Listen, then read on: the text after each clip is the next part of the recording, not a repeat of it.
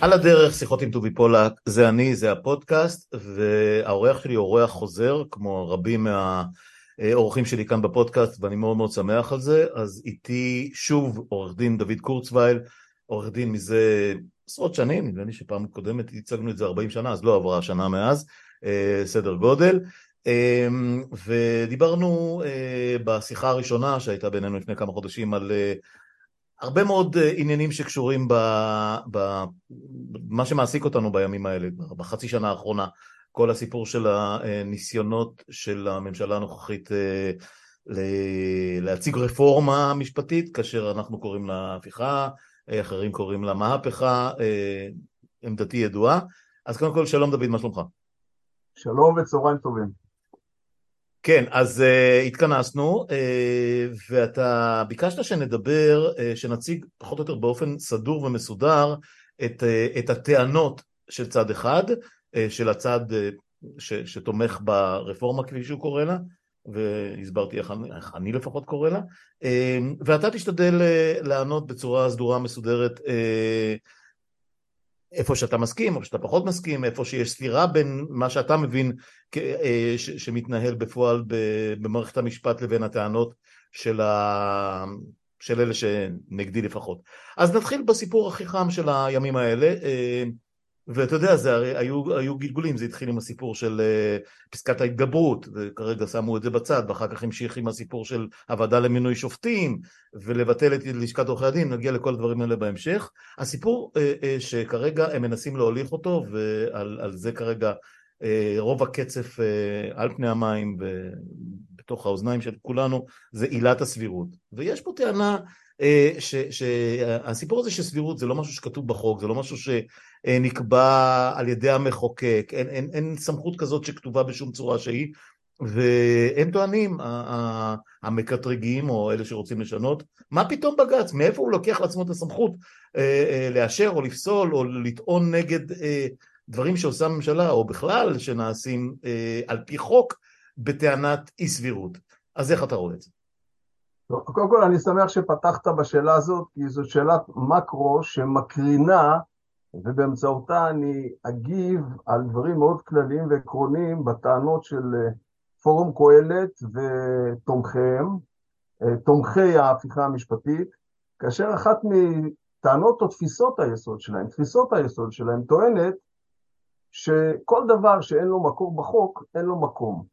הטענות האלה מושמעות כנגד היועץ המשפטי לממשלה, כנגד כל מיני פרוצדורות שקיימות, כנגד כל מיני פרקטיקות שקיימות, וכנגד בתי המשפט, אה, כאשר טוענים, כמו שאתה פה בעילת הסבירות אה, מעלה את זה, אבל הם מעלים את זה בעוד הקשרים, אה, תפתח לנו ספר חוקים, תראה לנו בספר חוקים שיש סעיף שאומר שבית משפט יכול לפעול ולבטל חוקים או לבטל החלטות מנהליות, או בכלל שיש עילת ביקורת כזאת ששמה סבירות.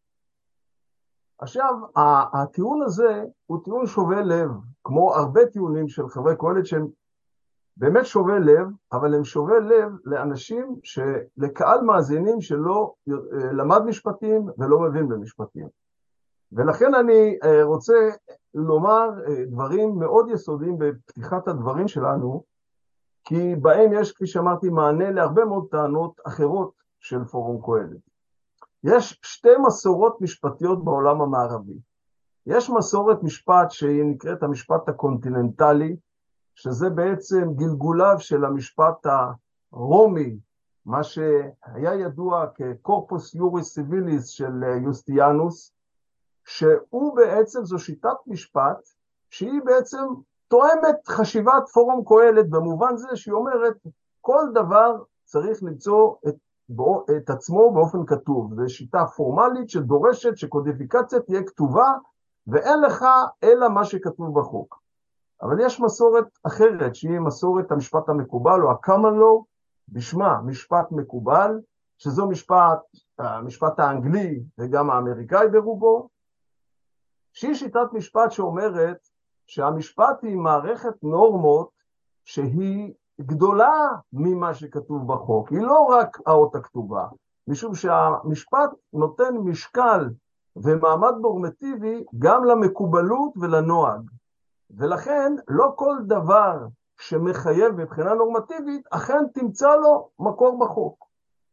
שיטת המשפט הישראלי, שידוע לכולנו שהיא בעצם מורשת של המשפט הבריטי, mm-hmm. שהרי uh, כשהמנדט הבריטי היה פה, הוא החליף את המשפט העות'מאני, וכשהוכרזה מדינת ישראל, אז החקיקה הראשונה אמרה שהמשפט שקיים הוא שימשיך להיות, ולכן קיבלו ואימצו בדרך של אינקורפורציה את המשפט האנגלי, שזה כולל את השיטה שלנו, שיטת המשפט. אנחנו מסווגים כמי ששייכים למשפט המקובל ולא למשפט הקונטיננטלי. זו אמירה גסה, כי יש חוקים רבים שהושפענו בהמשך המדינה, אה, אה, בהשפעות גם של מומחי משפט קונטיננטליים שהיו בארץ, כמו פרופסור גד טדסקי, אבל כשמדברים על שיטת המשפט, על הפילוסופיה של המשפט, אנחנו שייכים למשפט המקובל. עכשיו, אה, אה, אם נסתכל על הדבר חקיקה שעכשיו רוצים לשנות בחוק, והנושא של הגבלת, היא, היא היעדר מעמד לסבירות או היעדר יכולת לבקר בעילת הסבירות. אז בנימוקים אומרים, רוצים לשכנע אותנו שזו לא מהפכה גדולה, אומרים, אנחנו לא פוגעים בשאר עילות הביקורת של בג"ץ. שאר עילות ביקורת של בג"ץ, של חוסר סמכות, של שרירות לב, של אפליה, של אה, ניגוד עניינים, וכל שאר הביקורת נשארו על כנן. רק עילת הסבירות, אנחנו חוסמים אותה. ובכן, אם נלך לספר החוקים ונחפש היכן בחוק יש סמכות לבג"ץ לפסול דברים או לבקר בעילות של חוסר סבירות ושרירות לב ואפליה וניגוד עניינים, גם את זה לא נמצא. לא נמצא, מדוע לא נמצא? משום שזה גם חלק מהמשפט המקובל. זה דברים שהם בפרקטיקה של בג"ץ, בג"ץ עיצב לו ומעצב על פני שנים פרקטיקה של עילות ביקורת, ולכן מבחינה נורמטיבית עילת הסבירות באה לעולם בצורה שאיננה שונה מעילת חוסר הסמכות ושרירות הלב. שניהם בעצם קיימים לנו בדין הישראלי במקור שהוא משפט מקובל ולא אות חקוקה. עכשיו, אני רוצה לומר יותר מזה. כשאנחנו מדברים על הדין הישראלי, מה זה הדין הישראלי? אז פורום קהלת יגיד, דין הישראלי זה רק החקיקה הפורמלית שקיימת. אבל יש לנו במדינת ישראל חוק פרשנות, ובחוק הפרשנות יש הגדרה מה זה דין, והדין שם כולל כמה חלופות. אז חלופה ראשונה זה באמת חיקוק, כמו שפורום קהלת טוען, אבל יש עוד חלופות. החלופה השלישית אומרת, דיני המשפט המקובל ועקרוני היושר של אנגליה כפי שתוקפם במדינה. כלומר, המשפט הישראלי עצמו, המחוקק של הכנסת בעצם, שהגדיר לנו מה זה דין בישראל, הוא בעצמו קיבל שחלק מעקרוני היושר שאין להם מקור באות הכתובה בחוק, הם גם כן חלק מהדין הישראלי.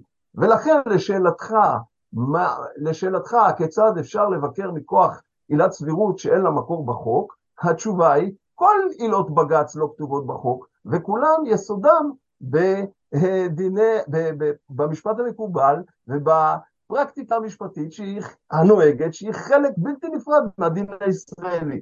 פסקה אחרונה שהגדרת היא בעצם אה, אפשר לפרש אותה או לתת לה כותרת עילת סבירות. זאת אומרת אה, אה, מבחן סבירות. אוקיי לא עילת סבירות מבחן סבירות סביר ש, שכמו שאתה אומר לא כל דבר יכול להיות מחוקק וכתוב. אי אפשר לשער מראש את כל הנושאים לפרטי פרטים ותתי הנושאים שיובאו בפני שופטים כשהם צריכים לדון במשהו. ו, ומכאן ש... שיקול דעת של שופט שהוא מסתכל על הדברים ואומר רגע משהו פה לא מסתדר גם אם זה לא בדיוק כתוב כחוק מילה במילה בנושא הספציפי שהוגדר פה זאת עילת הסבירות לטענתם שלא כתובה ואתה אומר בעצם היא לא צריכה להיות כתובה. אני, אני לא אומר שהיא לא צריכה להיות כתובה אני אומר זה שהיא לא כתובה. אתה יודע מה לא יכולה להיות כתובה. כן. לא, לא גורע לא גורע ממעמדה הנורמטיבי המחייב, okay. אוקיי. שכן כל יתר שאר עילות בג"ץ גם הן לא כתובות. אבל פה באה הטענה ואומרת, פה באה הטענה ואומרת, יש הבחנה בין עילת הסבירות לבין יתר עילות הביקורת. יתר עילות הביקורת הן עילות מדידות, קל מאוד להגדיר אותן. חריגה מסמכות היא, היא פשוטה, אפליה היא פשוטה, ניגוד עניינים היא פשוטה. לעומת זה, עילת חוסר סבירות, הם מכנים אותה כג'וקר משפטי. זה איזה מין קלף מנצח שאין לו בעצם גבולות, אין לו הגדרות, וכל שופט כאורך רגלו יכול להחליט מה סביר ומה לא סביר. ולטענה הזאת צריכים באמת לתת את הדעת. אז קודם כל בואו נבחין בין שתי שאלות. אשר לשאלה, אשר לשאלה האם יש מקור נורמטיבי לסבירות, אז מבחינה אה, הסבר של התיאוריה המשפטית, עילת הסבירות כמוה כשאר יתר העילות, מקורן באותו מקור, וכפי שהן תקפות, כאמור בהסבר להצעת החוק הנוכחית, כך גם זאת אין לה בעיה של אה, מקור חקיקה. שאלה אחרת היא, והיא ביקורת, האם פה לא לקחו בלון וניתחו אותו יותר מדי, והאם פה אין לנו פה סוס פרוע שאין לו גבולות, זאת בעיה אמיתית שצריך לתת עליה את הדעת, אבל זו כבר לא שאלה אה, ברמה הנורמטיבית, זו כבר שאלה פרקטית.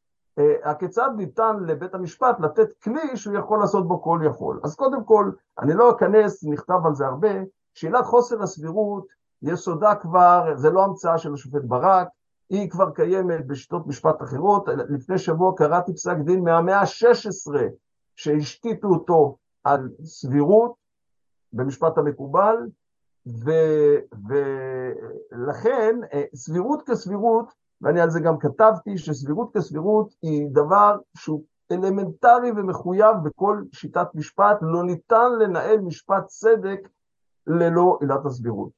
אשר להיקפיות שלה, אז קודם כל היום כבר אה, בניתוח של עילת הסבירות מדברים על כמה סוגי סבירות. מדברים על סבירות איזונית, כלומר, האם הרשות איזנה נכון בין שיקולים. מדברים על סבירות כמופרכות, כלומר, האם המעשה המנהלי הזה, האם אי פעם איזשהו פקיד בעולם היה מחליט החלטה כזאת. וה, והטענה היא שהסבירות האנגלית, שבה מנפנפים המתנגדים להפיכה, היא אך ורק סבירות של מופרכות. כלומר, סבירות שבה אתה בא ואומר, הממשלה או, או פקיד ממשלתי קיבל החלטה ששום פקיד נורמלי אי פעם לא היה מקבל אותה, כלומר היא כל כך מופרכת שאני יכול לומר שאף פקיד לא היה מקבל אותה, זאת חוסר סבירות שאני מוכן לקבל. אבל סבירות שהיא פחות מזה אני לא מוכן לקבל. מה הבעיה? הבעיה היא שבחוק הנוכחי, שביטלו את עילת הסבירות, לא עשו את ההבחנה הזאת. הם רוצים שגם הסבירות האנגלית לא תהיה בארץ, כלומר, הם רוצים שגם במקרה שיגיע לפני בג"ץ, וכולם יסכימו ששום פקיד סביר לא היה מקבל החלטה כזאת, היא כל כך מופרכת בעליל, גם אז הוא לא יוכל לבקר אותה, הוא לא יוכל לבקר אותה בעילה של חוסר סבירות, אני רק צריך לדייק את עצמי, כי החוסר סבירות שהיא בוט, שמבוטלת עכשיו היא ביחס לפונקציות מסוימות ול, והיא לא כוללת את כל אה, הממשל. עכשיו, אה, אה, בחוות דעת שנתן אה, עורך דין גיל לימון, שהוא הנציג של היועץ המשפטי לממשלה לצורך העניין הזה, אה, הוא פירט והראה איזה עיוותים, איזה עיוותים נוראים יהיו לנו במדינת ישראל אילו עילת הסבירות תבוטל. וה, והמכנה המשותף של כולם זהו הפתח לשחיתות בלתי מוגבלת שלא ניתן יהיה, לא ניתן יהיה אה, אה, להתמודד איתה ללא עילת הסבירות. ואני רוצה לתת דוגמה, אני רוצה לתת דוגמה.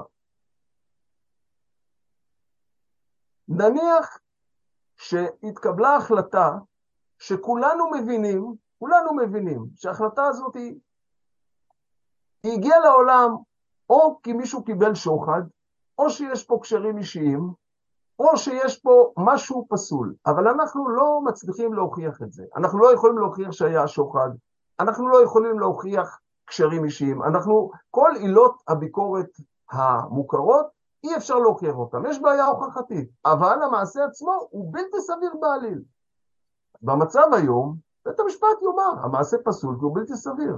אילו עילת הסבירות תבוטל, אנחנו כדי לבטל או כדי לתקוף אה, החלטות שהן בלתי סבירות, אם לא יהיו לנו את הכלים, אם לא יהיו לנו את הכלים הראייתיים, לא נוכל להתמודד איתם. עכשיו, אני לא מדבר על, על בעיה נורמטיבית, למשל, הנושא של למנות עבריין כשר אוצר. למנות עבריין כשר אוצר. אומרים לנו, במינויים סבירות אל תתערבו. אה, נדמה לי שכל אדם סביר שאין לו אה, נגיעה פוליטית, אין לו נגיעה פוליטית, הוא לא תומך באותה ממשלה, הוא לא תומך באותו שר ספציפי שמדברים עליו, אלא היו אומרים לו במדינה דמיונית, רוצים למנות עבריין לשר אוצר, מה עמדתך? אני חושב שכל אדם סביר היה אומר שזה לא יעלה על הדעת. אז זה בדיוק מה שבג"ץ עושה. בג"ץ בעצם מנטרל את הנגיעות הפוליטיות שיש לאנשים, מנטרל את האינטרסים שיש להם, וחושב באופן ממלכתי וציבורי מהי טובת המערכת. ולכן עילת הסבירות היא עילה שלא ניתן לוותר עליה, ואני אסיים את uh, הדיון בנושא של עילת הסבירות, שהרי גם אני מסכים שהיא סוס פרוע שצריכים להגביל אותו באיזושהי דרך. אז מהי הדרך להגביל אותו? הדרך להגביל אותו, האחת והיחידה שאני רואה כנכון וכמוצדק, זה לומר שכאשר מפעילים ביקורת בעילת הסבירות, צריך רוב מיוחס בהרכב. כלומר, לא ייתכן ששופט אחד, שופט או, או בהרכב של שלושה, שניים יגידו חוסר סבירות, ובכך אה, אה, אה, מינוי ממשלתי או, או דברים שרוצים היום לאסור אותם, הדברים הללו אה, אה, יוכרעו ברוב לא מיוחס. אם יש רוב מיוחס, אות וסימן הוא שאכן מדובר באי סבירות שהיא מתקבלת על הדעת ולא בגחמה, ולכן זה הפתרון שיש לי לנושא של הסבירות. אה, כן, זה רק, וזה זורק אותי מיד לא, לא, לאותה, לא, לאותו מקום שבו אה, אלה שעכשיו תומכים בהפיכה אה, התהדרו בכך שיש שופטים בירושלים, אותו בג"ץ 11-0 ש, ש, ש, שדן בזמנו בכשירותו של נתניהו להיות ראש ממשלה, אז הם אמרו, אה, מה זה 11-0, מה זאת אומרת? אם הם אומרים שהכל בסדר, אז הכל בסדר. כש, כשבאים אליהם, כמו שאתה מציע פה, עם רוב מיוחס, אה, בדברים שפחות נוחים להם, אני לא משוכנע שהם מקבלים, מקבלים את זה באותה מידה. זאת אומרת, הכל מתוך הפוזיציה. אה, אבל זו באמת הערה אה, צדדית ש... שקפצה לי לראש כשאמרת רוב מיוחס. הוא לא, הוא, רוב מיוחס שאתה מקבל אותו, הוא לא בהכרח או רוב מיוחס שהצד השני יקבל אותו, ואנחנו רואים את זה בהרבה מאוד מקרים אחרים.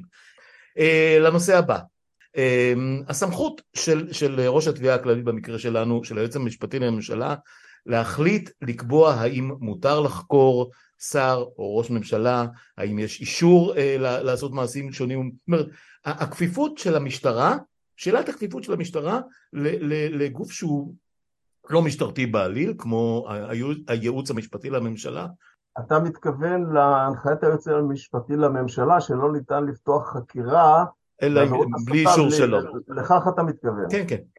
טוב, האמת היא שהסוגיה הזאת היא, היא באמת סוגיה שהיא מיקרוקוסמוס של כל אופן הדיון העקום לטעמי אה, שמנהל רוטמן בהרבה תחומים.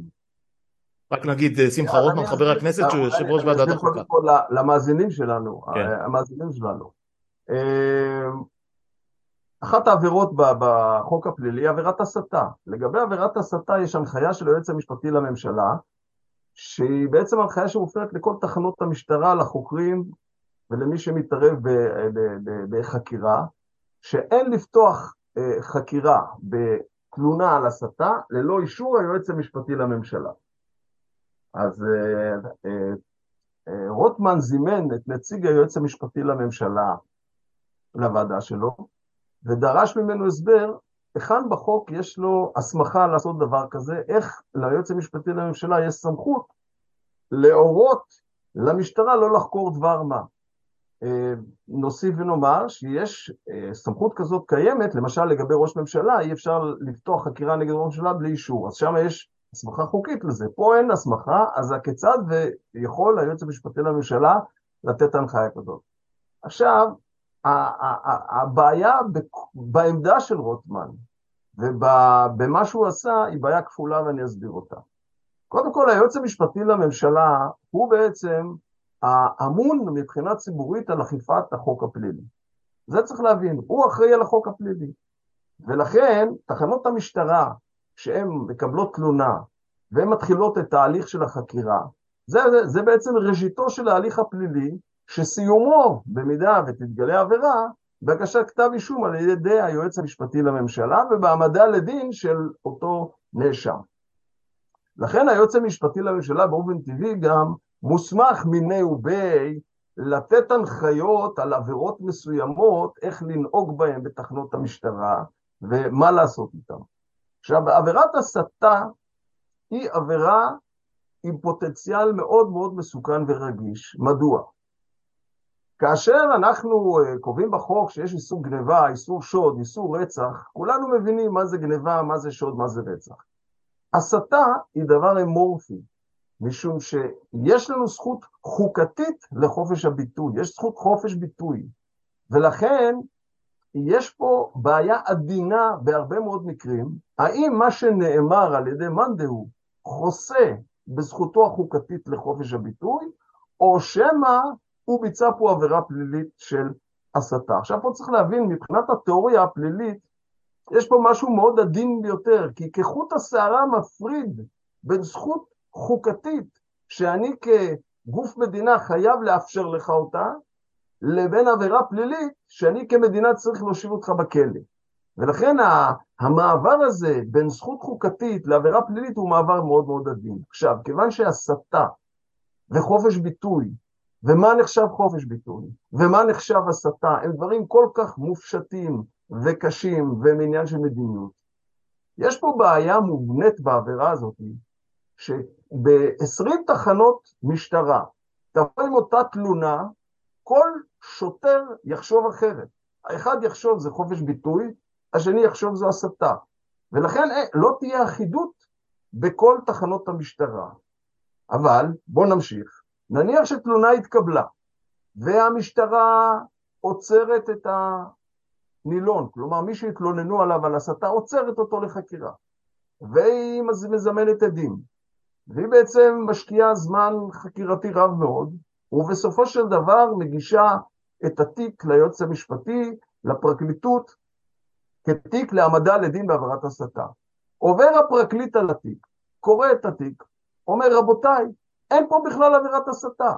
כל מה שמתואר פה זה חופש ביטוי מובהק. מה יצא לנו?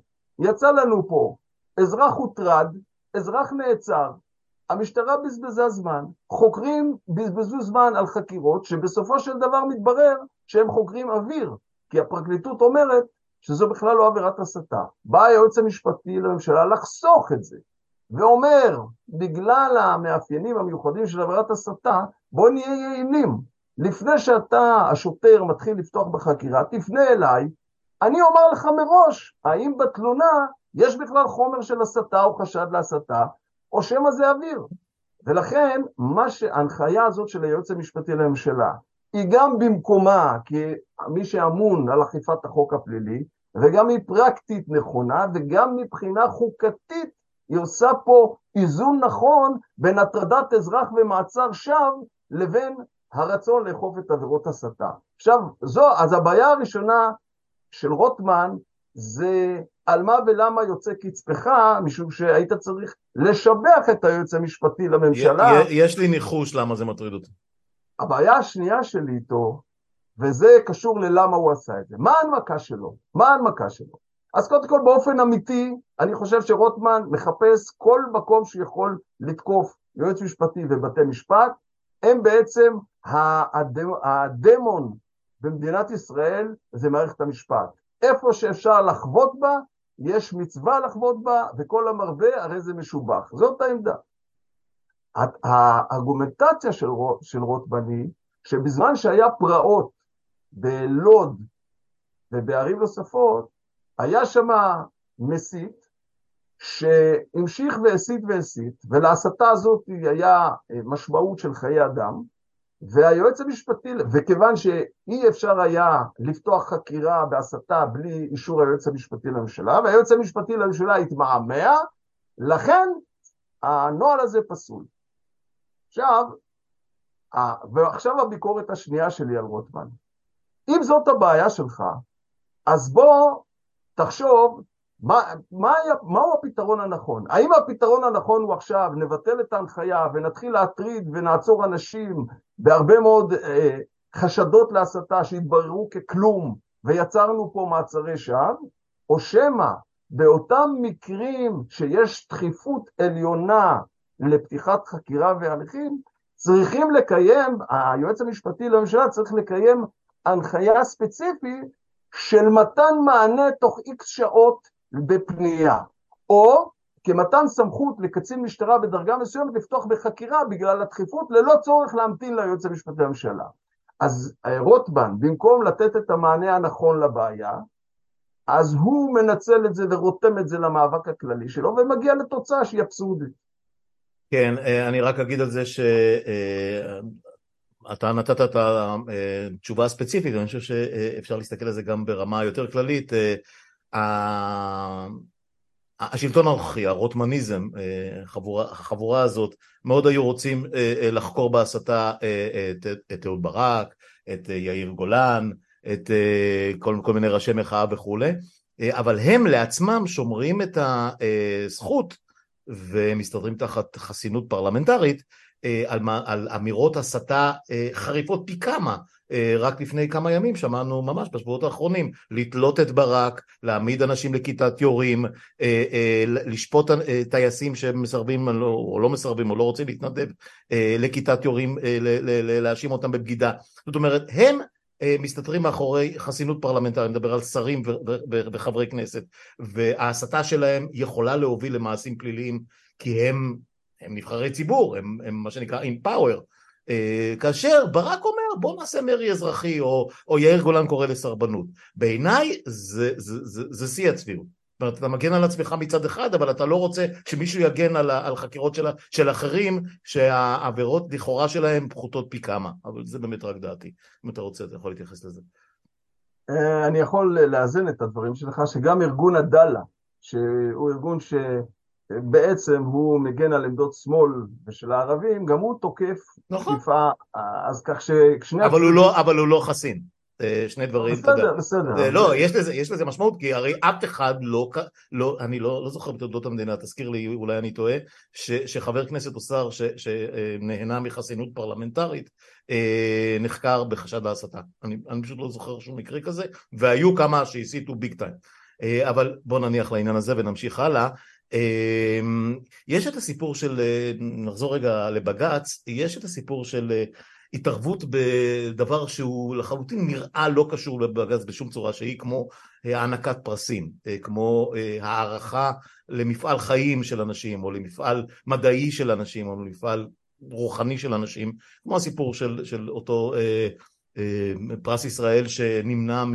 מ אה, אני לא זוכר את שמו כרגע, ממדען כי הוא חתם על עצומה שתמכה בסירוב או משהו בסגנון, ובג"ץ התערב ואמר ששר החינוך, שרת החינוך, מי שהיה אז אה, וקיבל את ההחלטה הזאת, אה, עשו את זה ללא סמכות אה, ובעצם החזיר את הגלגל ואותו פרופסור קיבל את הפרס. הטענה היא מי קבע, מי, מי הסמיך את בג"ץ, איך אתה מתייחס לזה? טוב, הנושא של פרס ישראל, אמנם הוא, לאחרונה יש כל כך הרבה נושאים שכבר שכחו את זה, אבל באמת אתה צודק שפרס ישראל זה משהו ש... אה, אה, שנה חזר כביקורת על בג"ץ, שבג"ץ אה, מכשיר מתן פרסי ישראל לשמאלנים ולתומכי BDS וכדומה. אז אני באמת שמח שאתה נותן לי הזדמנות לעשות סדר בסוגיה ששמה פרס ישראל. פרס ישראל זה פרס שהוכרז בזמנו על ידי שר החינוך ויש לו תקנון. התקנון קובע שישנה ועדה, והוועדה הזאת אה, בוחרת אנשים לפי קטגוריות מסוימות שהצטיינו בתחומם ויש להם תרומה מהותית בתחומם, והיא ממליצה לשר החינוך אה, למי לתת את הפרס. ההמלצה לשר החינוך היא המלצה, לשר החינוך אין לו איזה זכות וטו, אלא אה, ההמלצה לשר החינוך היא כמעט פורמלית. שר חינוך בעצם יכול להתערב בהחלטה רק אם היה פגם בישיבת הוועדה. אם יש פגם טכני, הוועדה, יש בה פגם טכני, לא, אז הוא לא מקבל את ההמלצה. אבל בעצם הוא חותם את גומי של הוועדה. עכשיו, בג"ץ, בעצם, נדמה לי שההתערבות היחידה שלו בפרס ישראל, נדמה לי, ואני לא טועה, הייתה בבג"ץ משנת 97' לגבי שמואל שניצר. ששמואל שמיצר קיבל, היה עיתונאי ידוע בעיתון מעריב. היה העורך, היה העורך הראשי שלי תקופה מסוימת. עד כדי כך. ובזמנו אה, הוא כתב משהו שהעדה האתיופית נפגעה מזה מאוד. כן. והם עתרו לבג"ץ, בג"ץ מסאלה נגד אה, שר החינוך, הם עתרו לבג"ץ בטענה שלא יעלה על הדעת לתת אה, פרס ישראל לאדם שפגע בציבור גדול מאוד, במאמר שהוא כתב. כן. עכשיו, בג"ץ שאל, האם המאמר הזה שפוגע היה בפני ועדת הפרס? והתברר שלא. מה שהחליט שם בג"ץ, הוא אמר, אני לא מתערב בהחלטות של ועדת הפרס, אבל היות ומתברר לי היום שההחלטה ניתנה תחת מידע חסר, אני מחזיר את התיק לוועדה, שתדון שוב, אחרי שיש לה את המידע המלא. זה מה שהוא עשה. הוא לא התערב בהחלטה שלה, הוא התערב בכך שניתנה החלטה לא על בסיס מידע מלא.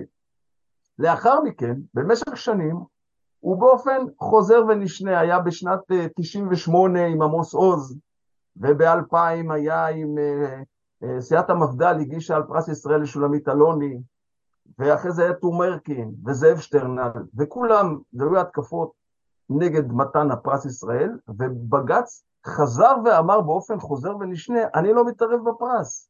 יש ועדה, היא קבעה, אני לא, מת, אני לא מתערב בה. עכשיו, שמא תאמר שבג"ץ הוא שמאלני.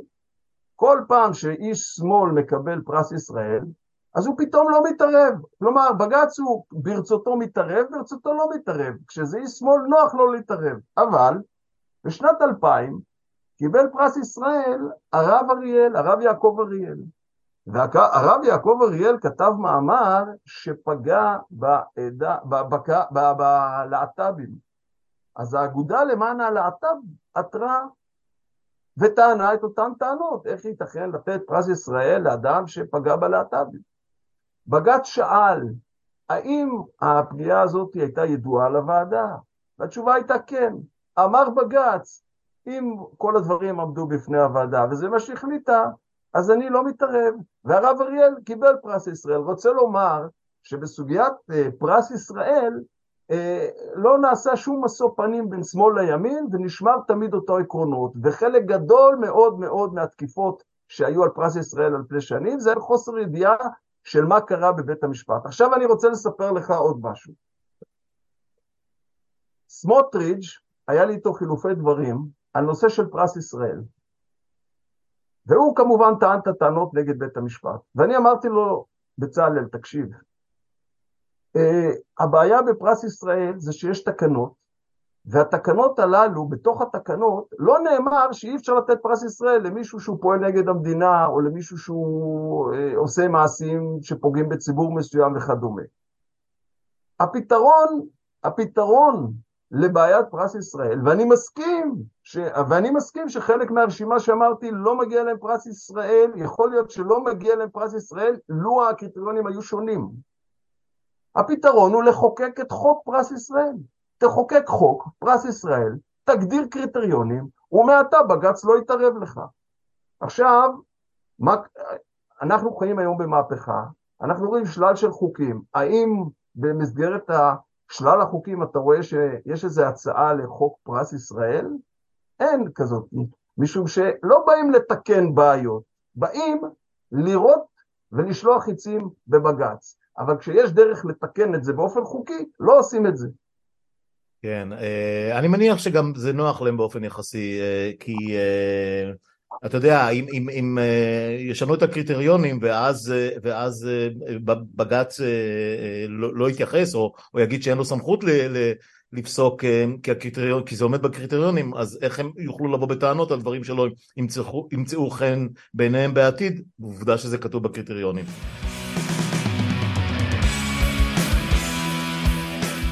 שנינו צפינו, אתה, אני צפיתי בהמלצתך בשיחה של אה, דוקטור גדי טאוב ש, שאגב היה בעברו עיתונאי, עיתונאי אה, בערוץ הילדים אפילו, והיום הוא איש מדע המדינה, הוא איש שעבר, הוא איש ימין, הוא עבר לימין, הוא לא היה כזה תמיד, אבל קול מאוד מאוד בולט בערוצי הימין, ברדיו, בערוץ 14, בהרבה מאוד, בפודקאסט שלו וכולי, והוא אירח בפודקאסט שלו ביוטיוב את עורך דין דוד פטר, שהוא אחד, מ, אחד מהמשפטנים שמובילים את פורום, או חבר בפורום קהלת, והם התעסקו אה, אה, הרבה מאוד בפסק דין של אה, השופטת אה, דוקטור מיכל אגמון, ש... אחד, שהיא הביאה כתשובה, אני אפילו לא יודע על איזה, על איזה עתירה, שיר, ציטטה שיר של משוררת פולניה הידועה כמובן, ויסלבה שימבורסקה, וזה נורא, זה נורא קפץ להם, זה נורא הפריע להם. אמ, והשאלה המרכזית היא באמת מאיפה הם לוקחים את מקורות הסמכות, מה פתאום אה, משורר פולניה, משוררת פולניה חשובה ככל שתהיה עם מקור סמכות, איך זה מסתדר עם, עם, עם החוקים הישראלים ולמה הם בכלל מתעסקים עם משהו מהסוג הזה, אז איך אתה מתייחס לטענות האלה של אה, עורך דין פטר? טוב, קודם כל הסיפור הזה של דוקטור מיכל אגמון והפסיקה שמסתמכת על שיר של שימבורסקה זה חזר באותו ראיון שהיה כמה וכמה פעמים, כן.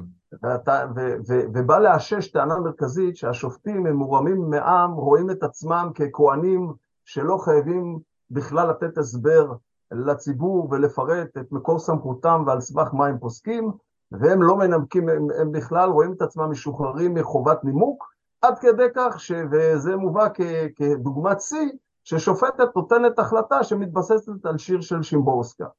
עכשיו, מי ששומע את זה מתרעם. כשאני שמעתי את זה גם התרעמתי. איך יכול להיות ששופטת נותנת פסק דין על סמך אה, פסק, אה, שיר של שימבורסקה? ובכן, אז הלכתי לבדוק את זה, ואז אה, מתברר, וזה דבר שלצערי חוזר על עצמו באופן שיטתי, הנושא של הצגה מגמתית של פסקי דין שלא תואם את מה שאירע בפועל וגם לא נותן קונטקסט והסבר למה שהיה, ואני אסביר.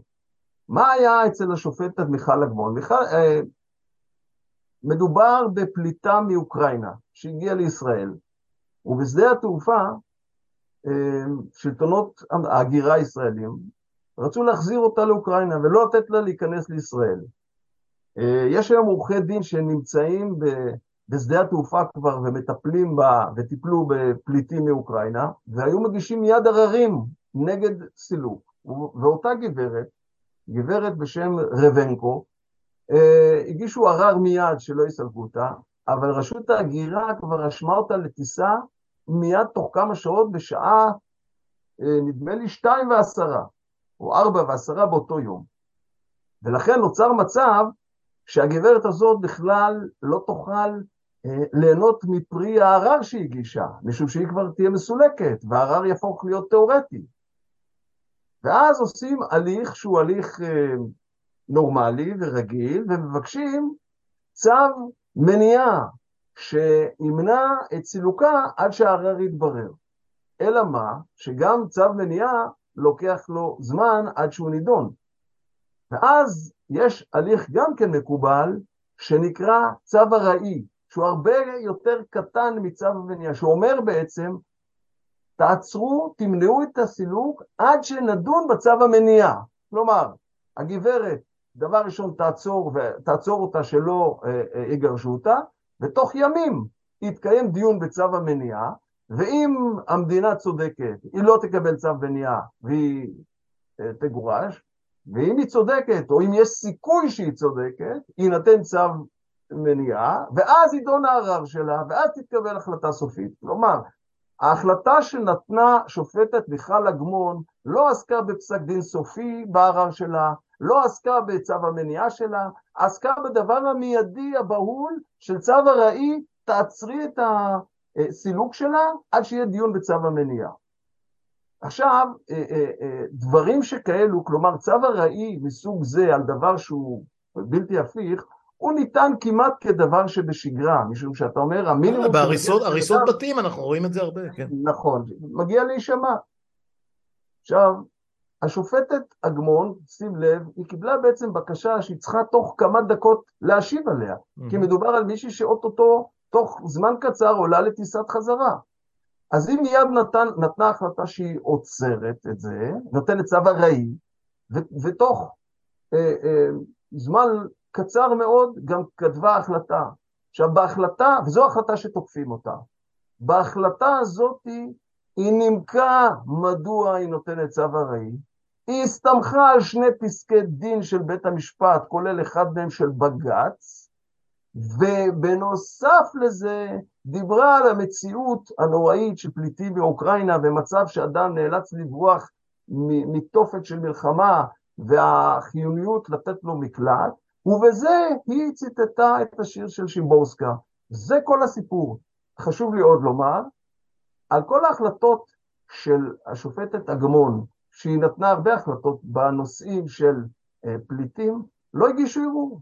הפרקליטות לא הגישו ערעור. אבל אני, אבל אני יכול לומר משהו אחר, אם כבר מדברים על שירה. שופט צריך, כששופט מנמק את פסק דינו, אין שום פסול אם יש שיר שכולל בתוכו את כל הנימוקים, אין שום פסול לצטט את השיר, לא מחמת השיר, אלא מחמת הנימוקים שבשיר, והנימוקים שבשיר עומדים בפני עצמם ללא קשר לכך שהם נכללים בשיר. אבל כפי שאמרתי, בהחלטת הביניים הקצרה, שהיא טרום תרמניה, זה לא פסק דין. אגב, בפסק הדין, שניתן פסק דין, הוא כבר היה נרחב ומנומק וכדומה, אבל החלטת הביניים הבהולה הזאת הסתמכה על שני פסקי דין, ולא רק על שירה של שמבורסקה, ולכן בכך עשו עוול לשופטת מיכל אגמון, שהציגו אותה כמי שנותנת פסקי דין על סמך שירה פולנית. תשמע, אה, זה, זה כל כך אופייני ל, ל, לזרם הזה שפתאום אה, צץ בחיינו, לא פתאום, מי שעקב אה, יודע מה, מה זה קהלת וממתי הם פה, זה כבר לא, לא שנה ולא שנתיים ולא חמש. אה, נדמה לי שהם במידה רבה, ורואים את זה אצל רוטמן, רואים את זה אצל לוין, יש אופנסיביה מוחלטת על כל מה שהוא הומני, כל מה שהוא אה, אתה יודע, עילת הסבירות זה דבר אה, מאוד מאוד משפטי ומורכב והכל, אבל ציטוט של שיר, לא, משפט זה דבר, אתה יודע, אה, פורוורד, תגיד כן, תגיד לא, תיתן פסיק, פסיקה כזאת על בסיס חוקים. כשאתה מנסה לעגל את זה טיפה ולהיות אנושי, זה מאוד מאוד מפריע להם, אבל זאת התחושה שלי שוב, זה לא אז תן לי הערה אחת לומר, כן. תן לי הערה. אילו פסק דין היה מבוסס על שיר, פסק דין היה מבוסס על שיר, זה אכן ביקורת. אה, אבל הסברת שזה לא המצב. בהבדל, ואני רוצה להוסיף משפט, שבהבדל מוחלט ממה שנאמר, או מה שאפשר ניתן היה להבין מאותו ראיון עם גדי טאוב, בתי המשפט כדבר שבשגרה, כולל בית המשפט העליון, מנמקים, כל פסק דין הוא מנומק. הם כן רואים צורך לתת הסבר, ואנחנו האזרחים מקבלים מבית המשפט העליון דין וחשבון. הם רואים בנו הם רואים בנו כמושאים שזכאים לקבל דיני חשבון, ובפסק דינן נותנים לנו דין וחשבון כל פסק דין על מה הם התבססו ומכוח מה הם נתנו, בניגוד מוחלט מהטענה שמדובר בכהנים שלא אה, רואים צורך לנמק את פסק דינם. כן, כן, זה, זה אותו, אה, אותה דמוניזציה של אה, מי שמו אה, על אהרון ברק? מי שמו אה, לקבוע חוקים? אבל הנה, אנחנו נלך לדוגמה נוספת של כאילו קביעה של חוק, כאילו אה, פרשנות שהיא משנה את הפררוגטיבה של ראש ממשלה או ממשלה במינויים בכירים, והדוגמה הבולטת שלה, זה כבר כמה שנים טובות אחורה, היא של יעקב ליצמן, אנחנו יודעים שבמשך שנים המפלגות החרדיות נטו, בעצם לא, לא נטו, הם, הם באופן קטגורי לא היו מוכנים לכהן אה, כשרים בממשלה, במקרים היוצאי, אה, זה גם אגב חדש, סגני שרים, זה לא דבר שהיה בעבר, הם בדרך כלל הסתפקו ביו"רות של אה, ועדות חשובות, ועדת הכספים בעיקר וועדות אחרות, אה, אבל זה הלך והתפתח, וליצמן גם נעשה סגן שר מאוד מאוד דומיננטי במשרד, במשרד הבריאות, הוא נחשב סוג של שר בריאות בפועל גם אם לא בתואר.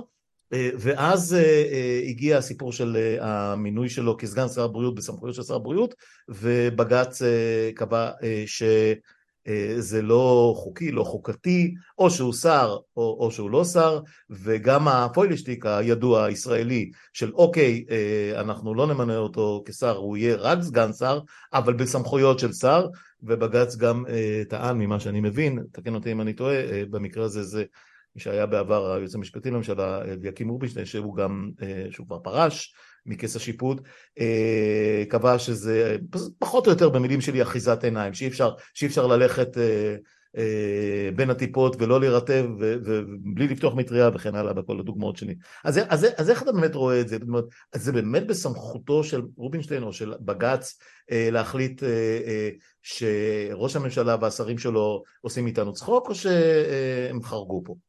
אז פה, אז פה יש דבר מעניין.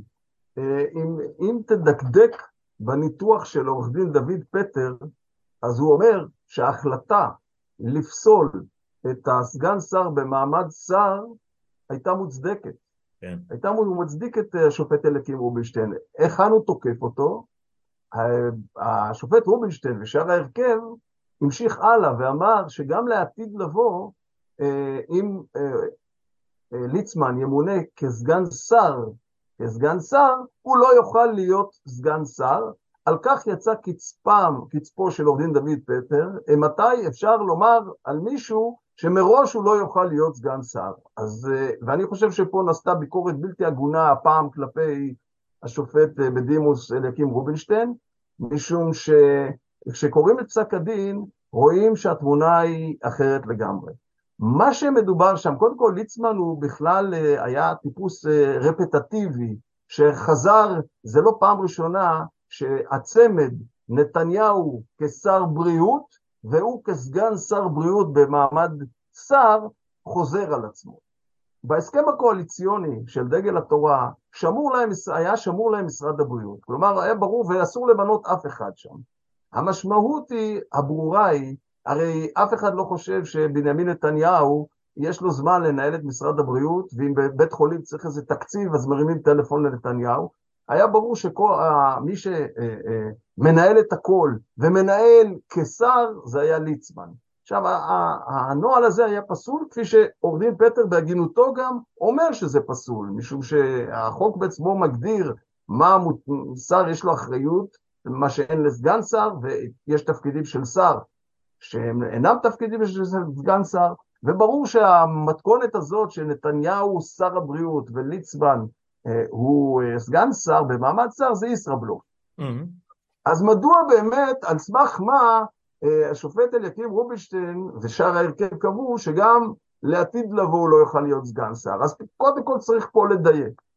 אין שום החלטה, הם לא החליטו שליצמן לא יכול להיות בעתיד סגן שר הבריאות. מה שהם אמרו זה דבר אחר.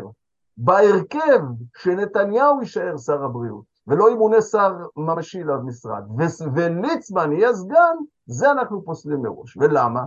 ופה צריך אה, אה, קצת להידרש לעובדות של פסק הדין. קודם כל התברר ככה, קודם, אני אקצר, כי אה, אה, אה, בעצם בפני בג"ץ נפרסה תמונה שהראתה והוכיחה שזה, כל המתכונת הזאת היא ישראבלוף, ומי שמנהל את המשרד זה ליצמן. אבל הגדיל לעשות מי שהביא הקלטה ש... ש...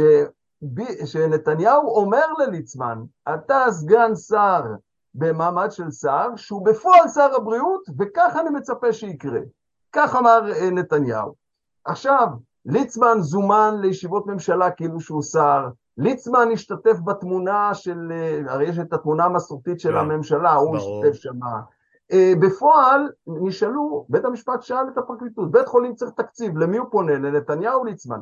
כל השאלות שבית המשפט שאל כדי להבין במתכונת האמיתית מי מנהל את המשרד, בעצם הפרקליטות אה, התחמקה ולא נתנה תשובה כי די היה ברור שליצמן עושה את הכל. כולם ידעו, זה בכלל, אתה יודע, זה, זה, זה, זה הובא לבג"ץ, ובג"ץ לא יכול היה להתחמק ממה שאתה ואני, ואחרוני המאזינים וקוראי העיתונים ידעו.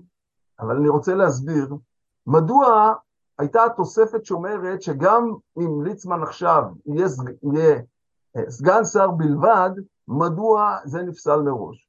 אז קודם כל התברר שלמודי לקח מבג"ץ קודם שבית המשפט פסל את הצמד נתניהו-ליצמן, הם יצרו מתווה כתוב שכאילו מגדיר את חלוקת הסמכויות שלהם, כאשר היה ברור בעליל היה ברור בעליל שכל המתווה הזה נועד להוות, להוות שסתום בפני בג"ץ ולהוות עלי תאנה בפני בג"ץ שכאילו פועלים כחוק. אבל כיוון שהוכח שגם עלי התאנה הזה לא היה נכון, כמו למשל ההקלטה, אז היה ברור, וזה הכל מתחיל ונגמר בזה שיש הסכם קואליציוני. זה ברור שמשרד הבריאות יינתן לליצמן, כי יש הסכם קואליציוני כזה, לא mm-hmm. ביטלו את הסכם הקואליציוני. ולכן, כשיש הסכם קואליציוני כזה, וכשבנימין נתניהו הוא תמיד הולך להיות שר הבריאות, הרי ברור בעליל שלא משנה איזה תואר תיתן לליצמן, ליצמן ינהל את המשרד.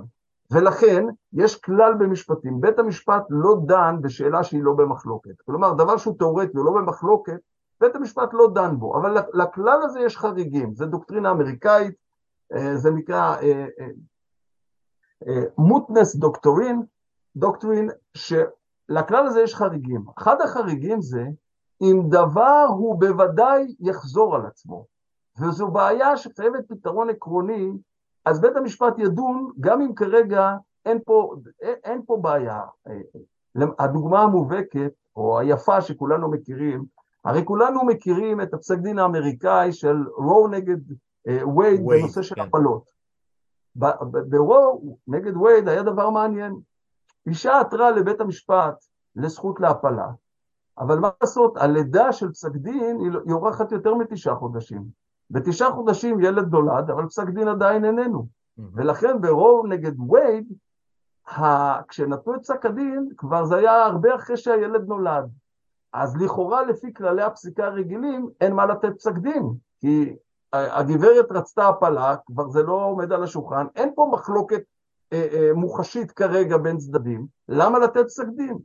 והתשובה היא, ובדיוק מאותה, חריגי אותה דוקטרינה אמריקאית שהומצאה בארץ, שכיוון שברור לנו ששאלת הזכות להפלה היא שאלה שתחזור על עצמה, היא תופיע עוד פעם, והיא עקרונית, אז נותנים פסק דין גם במצב כזה. ואת אותה, אותו חריג לדוקטרינה, ובית המשפט גם נימק את זה, הוא הכיל פה. כיוון שיש הסכם קואליציוני, וכיוון שידוע ש, שרוטמה, שליצמן יחזור, וכיוון שהמבנה, ברור לנו מה הם רוצים במבנה הזה, לכן צריך לתת החלטה עקרונית. ולכן אה, ההחלטה של. שופט אליקים רובינשטיין לא הייתה איזה גחמה של פסילה עתידית סתם כך, בוודאי לא, בוודאי לא אמירה שליצמן לא יכול להיות סגן שר הבריאות, ההפך, אמרו שאם ימונה שר בריאות, ליצמן יכול להיות הסגן שלו. כן, כן. צריך להגיד גם שאני לא זוכר את המועדים המדויקים, אבל uh, בשלב מסוים uh, נתניהו לא יכול היה לכהן כשר, לא משנה איזה, גם לא כממלא מקום, בגלל uh, היותו נאשם uh, בפלילים, שזה בכלל סיפור מאוד מאוד מורכב uh, מסוג אחר.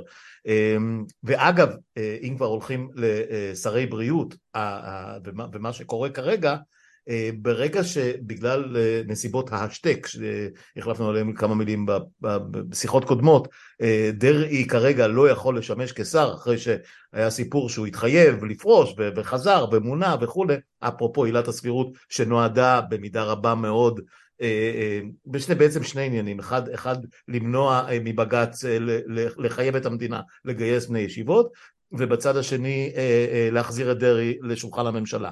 אבל אחרי שאמרנו את זה, במשך כמה חודשים הממשלה לא מינתה שר בריאות קבוע אחרי שדרעי נאלץ לפרוש ממשרדי הפנים והבריאות ועבר לגור בבית, לכאורה, וגם אחרי שמינו אותו מסתבר, עכשיו כבר יש שר שהוא הרבה יותר דומיננטי, אבל הייתה תקופת ביניים שבהם דרעי המשיך לנהל את המשרדים, פשוט לא הגיע למשרדים.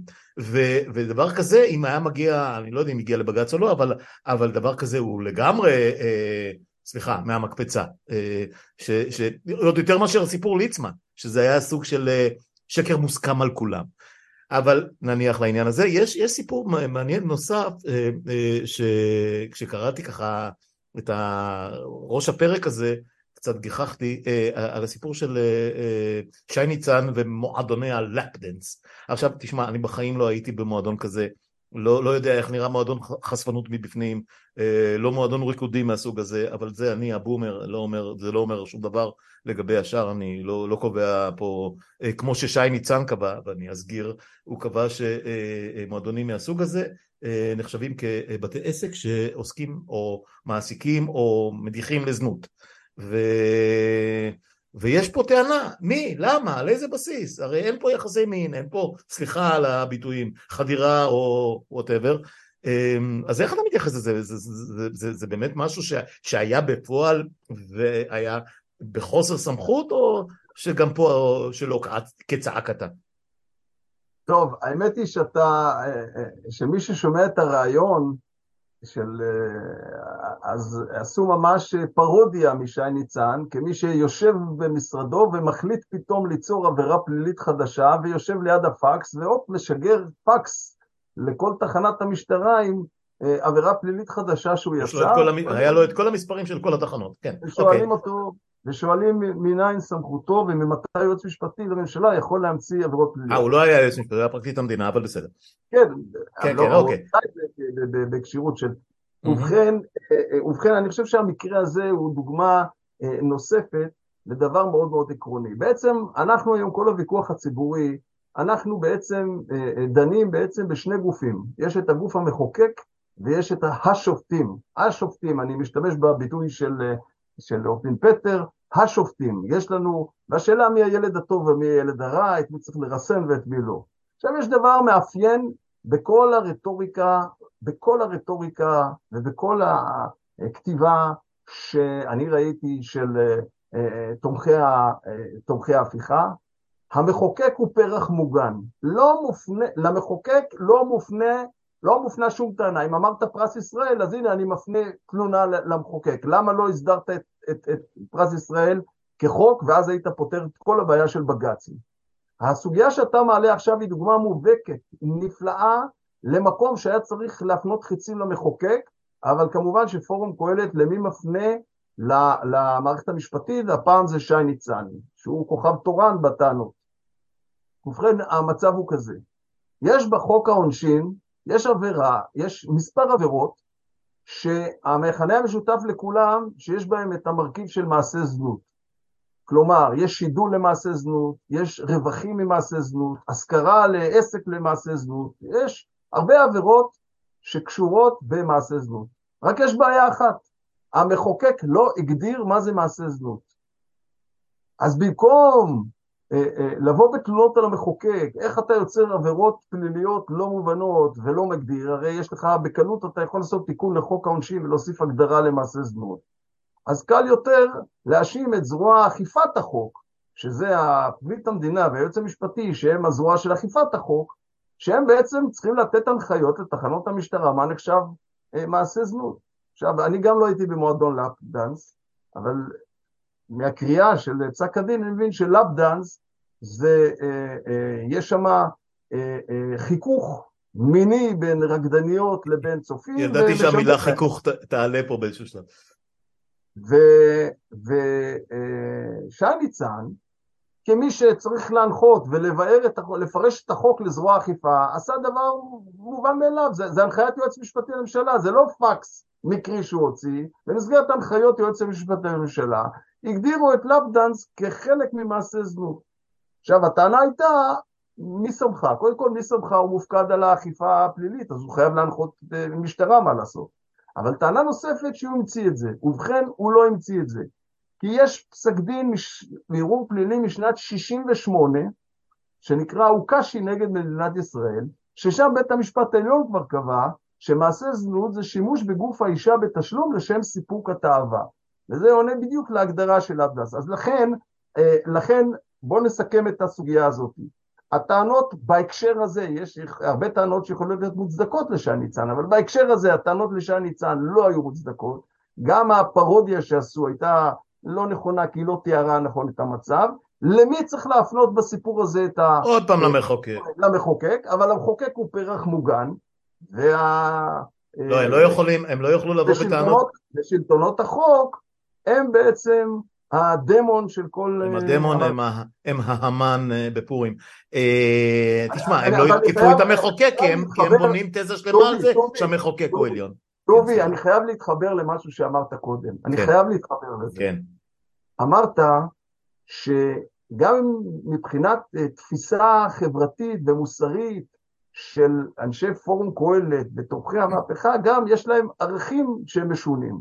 ותראה בסוגיה הזאת, בסוגיה הזאת עורך דין פטר דיבר באופן נחרץ, איך שי ניצן פגע בחופש העיסוק. בעסקים, העסקים הולכים לקרוס. במי? כלומר, מה הערך המוגן? מה הערך המוגן שעורך דין פטר וייבור? אה. האישה שנאלצת להתחכך בגברים בתשלום, אז הוא מגן על חופש העיסוק שלה, על אנשים מנוולים שמעסיקים ומנצלים... תשמע, זה נרטיב, זה נרטיב. וסוגרים להם את העסק, זה הערך המוגן שלהם. לכן, יש לי בעיה גם עם כל העולם המוסרי ש... אבל, אבל זה הניאו-ליברליזם האמריקאי הקלאסי, ש, ש, שהזכות ל, ל, לעשות כסף אה, כל זמן שמשהו לא מוגדר, כ... זאת אומרת, תעשה משהו חוקי כל מה שהוא לא הוגדר כלא חוקי, ו, ו, וזאת הטענה שלהם פה, הערך של... אתה צודק לגמרי שזה כן. הולך בקנה אחד, זה הולך כן. בקנה אחד עם קפיטליזם חזירי. חזירי, חזירי.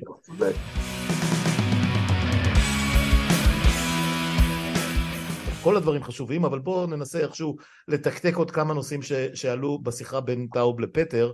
אמ, משהו שהוא נראה לי עקרוני שאולי אה, בבסיס כל הדיון הזה, אה, מניין בית המשפט העליון בעצם, אה, מאיפה הוא שואב לעצמו את הסמכויות להגדיר מה זה זכויות האזרח, מה, מה זכויות האזרח הנעלות על זכויות אחרות או על, או על עוולות שנעשות. וכשאתה, לפני שתענה לי, ליז התקשר מיד, סליחה, מה זאת אומרת, זה חוק כבוד האדם וחירותו. וזה כמובן הולך אחורה, שזה היה בתקופת ברק, או ברק הוליך את זה והוביל את זה, למרות ש... שזה כבר משנות התשעים אה, הסיפור הזה מלווה אותנו אה, וזה אחד מה, בעיניי מההישגים הגדולים של, של החקיקה הישראלית אבל זו דעתי אה, למה זה כל כך מפריע להם זכויות אזרח? מה, מה, מה הבעיה שלהם עם זכויות אזרח? למה אני צריך להתגונן מפני, מפני זה שבית המשפט מגן על הזכויות שלי? אני, אני, אני, אני חושב שלפני שדנים בכל הנושא של זכויות אזרח ועיצובן של זכויות האזרח, אני חושב שכדאי אה, להקדים ולהתייחס לטענה העקרונית יותר שלהם ברשותך, והיא הטענה כיצד בית המשפט העליון בכלל יכול להתערב בחוקי יסוד, הרי חוקי היסוד הם החוקה, הם הנורמה העליונה. כדי להתערב אתה צריך נורמה יותר עליונה, אין נורמה יותר עליונה מחוקה, אז מכוח מה בג"ץ בכלל מתערב בחוקי יסוד? הטענה הזאת עלתה גם, אם שמעת את הרעיון, גם נגד הייעוץ המשפטי. כאשר היועץ המשפטי לממשלה שולח, שולח לוועדת חוקה, חוק ומשפט נציגים שלו להעיר על טיוטות של שינויים בחוקי יסוד, מכוח מה, מאיזה נורמה, מכוח איזה נורמה בכלל יכול הנציג אה, להעיר הערות. הרי אין לו נורמה עליונה שמכוחה הוא יכול לבוא ולהעיר הערות. הרי העיסוק בוועדת חוקה, חוק ומשפט הוא עיסוק בנורמה העליונה, עכשיו יוצרים והיא מתהוות עכשיו, ברגעים אלו היא, מת, היא, היא מתהוות ונוצרת, אז מכוח מה מישהו יכול לבוא ולהעיר על ההתהוות שלה, הרי היא הנורמה העליונה. אני חושב, זה, זה, זה טיעון שעולה המון, אתה שומע אותו הרבה מאוד על הנושא הזה של ה... וגם מגחכים את בית המשפט העליון בהקשר הזה, ואני אה, אה, רוצה לומר כך, יש דבר מאוד מעניין. אתה, אם אתה תיקח חקיקה ישראלית ותחפש, ותחפש היכן מוזכר בחקיקה הישראלית שמדינת ישראל היא מדינה יהודית ודמוקרטית, אתה תמצא את זה בהרבה חוקים. אתה תמצא את זה בחוק יסודות התקציב, אתה תמצא את זה בחוק העמותות, תמצא את זה בחוק אה, אה, החינוך הממלכתי, בחוק רשות השידור, בחוק, בחוק כבוד האדם וחירותו ובחוק חופש העיסוק, בסעיף המטרה שלהם, נאמר שהמטרה שלהם זה ליישם, לעגן, לעגן בעין, את היותה של מדינת ישראל מדינה יהודית ודמוקרטית. עכשיו, המעניין הוא שכפי שאמרתי, הרבה הרבה מאוד חוקים מזכירים את היותה של מדינת ישראל מדינה יהודית ודמוקרטית, אין שום חוק שקבע שמדינת ישראל היא מדינה דמוקרטית. כל החוקים האלה יוצאים מנקודת הנחה שזה המצב, אבל הם לא קובעים אותה. ומכאן אתה למד שהמחוקק הישראלי, כשהוא חוקק גם את חוקי היסוד שלו, הוא הבין שחוקי היסוד הם מחוקקים בתוך שיטה מסוימת, בתוך שיטת משטר מסוימת, ושיטת המשטר היא יהודית דמוקרטית, ובתוכה מתעצבים להם חוקי היסוד שהם בעצם דקלרטיביים, הם באים לעגן את הקיים, שהוא היות המדינה היהודית דמוקרטית. או חוק השידור רוצה להטמיע בנו שהשידור הציבורי יטמיע את ערכי היותנו מדינה יהודית ודמוקרטית. ומכאן אתה למד שמבחינה נורמטיבית עקרונות השיטה והיותנו מדינה יהודית ודמוקרטית זה קודם לכל חוקי היסוד, זה מעל כל חוקי היסוד, ולכן אם באה השאלה מכוח מה בית המשפט העליון או היועץ המשפטי יכול להעיר על חוקי יסוד, אז התשובה היא, הוא יכול מכוח עקרונות היסוד לבוא ולומר שמה שעושים פה נוגד את היותנו מדינה דמוקרטית. היה לי דיון על זה עם אה, מישהו שאתה מכיר היטב, אה, פרופסור אבי שגיא, וחזרנו כמובן למקורות, שזה מגילת העצמאות ומה נכתב שם. כן מדינה דמוקרטית, לא מדינה דמוקרטית, הרי אה, כותבים שהמדינה תהיה יהודית, אבל יהודית ודמוקרטית או דמוקרטית ויהודית לא מוזכר במגילת העצמאות. אז הוא אומר, קודם כל זה לקונה, הם לא חשבו על זה, יכול להיות ש, שטעו, לא חשבו עד הסוף, מי שניסח את זה, זה גם היה בחופזה באופן יחסי, נניח. אה, אבל הוא אומר, יותר מזה, וזה גם עלה לדעתי גם מפרופסור מאונטנר ואחרים, אה, אה, זה ה-obvious, זה בכלל לא היה משהו שמישהו חשב שתעלה שאלה לגביו, ואכן במשך שנות דור, אנחנו מדברים על אנחנו עכשיו 75, 76 עוד מעט, אה, אה, אה, עד, עד לאחרונה, נניח עד לחוק הלאום, אוקיי, נניח עד לחוק הלאום, שזה סיפור של 4-5 שנים האחרונות, היותנו דמוקרטיה, גם עם כל הבעיות של הכיבוש ודברים אחרים ש, ש, שאפשר לדון בהם בנפרד, אה, הבסיס שלנו הוא בסיס דמוקרטי, לא צריך להגיד את המובן מאליו, זאת, זאת הייתה התחושה של נקרא לזה האבות המייסדים, ועל זה כרגע אה, אה, מסתבר שיש מי שמערער ובגדול. אז אני אגיד לך משהו אנקדוטלי ואולי בזה ברשותך כן, נסיים. כן. אני אמרתי ש... שבעצם אה, היותנו יהודי ודמוקרטי זה ברור שזה אבני היסוד של השיטה שהם קודמים לחוקי היסוד וחוקי היסוד שותים, שותים מתוך אותו מקור את הצביון המשטרי שלנו ולכן חוק הלאום שקבע שהמדינת ישראל היא מדינה יהודית, בעצם הוריד, הוריד באופן נורמטיבי את הקביעה שאנחנו יהודים, משום שאם לפני החוק זה היה עיקרון על שקודם לחוקי היסוד, עכשיו הורידו אותו בדרגה לחוק אה, יסוד. אז, אה, אבל זה יותר אה, אמירה אנקדוטלית. כן, אתה יודע מה? משפט אחרון לסיום, כי הוא נראה לי קצת, או שאלה אחרונה לסיום. כי זה נראה לי קצת אה, גם פופוליסטי, אבל גם אה, מלווה אותנו, זה באמת מראשית המדינה. אה, הסיפור של הצביון האשכנזי אליטיסטי מתנשא של, של בג"ץ, של בית המשפט העליון, של מערכת המשפט בכלל. גדי טאוב הגדיר את זה, האם, האם בית המשפט, האם בעל החלטה, האם הריבון בישראל הוא, הוא בייניש או אפללו, או להפך. וזה משהו שהם זורקים כלפי היה כניצול השואה אהרון ברק, כמו איזה, אה, באמת, כמו, כמו רעשן בפורים, שכל פעם אומרים את השם שלו והולכים להפגין מתחת לבית של הקשיש, שכבר באמת לא, לא איתה, לא, לא, לא, לא, לא במערכת כבר 16-17 שנה. אה, מאיפה זה מגיע בכלל? מה זאת אומרת אפללו בייניש? למה? מאיפה הם בכלל מוציאים את הדמון הזה? מאיזה קבר הם מוציאים אותו? לא ברור לי. טוב, אני חושב ככה, אה, קודם כל אני, אני חושב שחלק מה...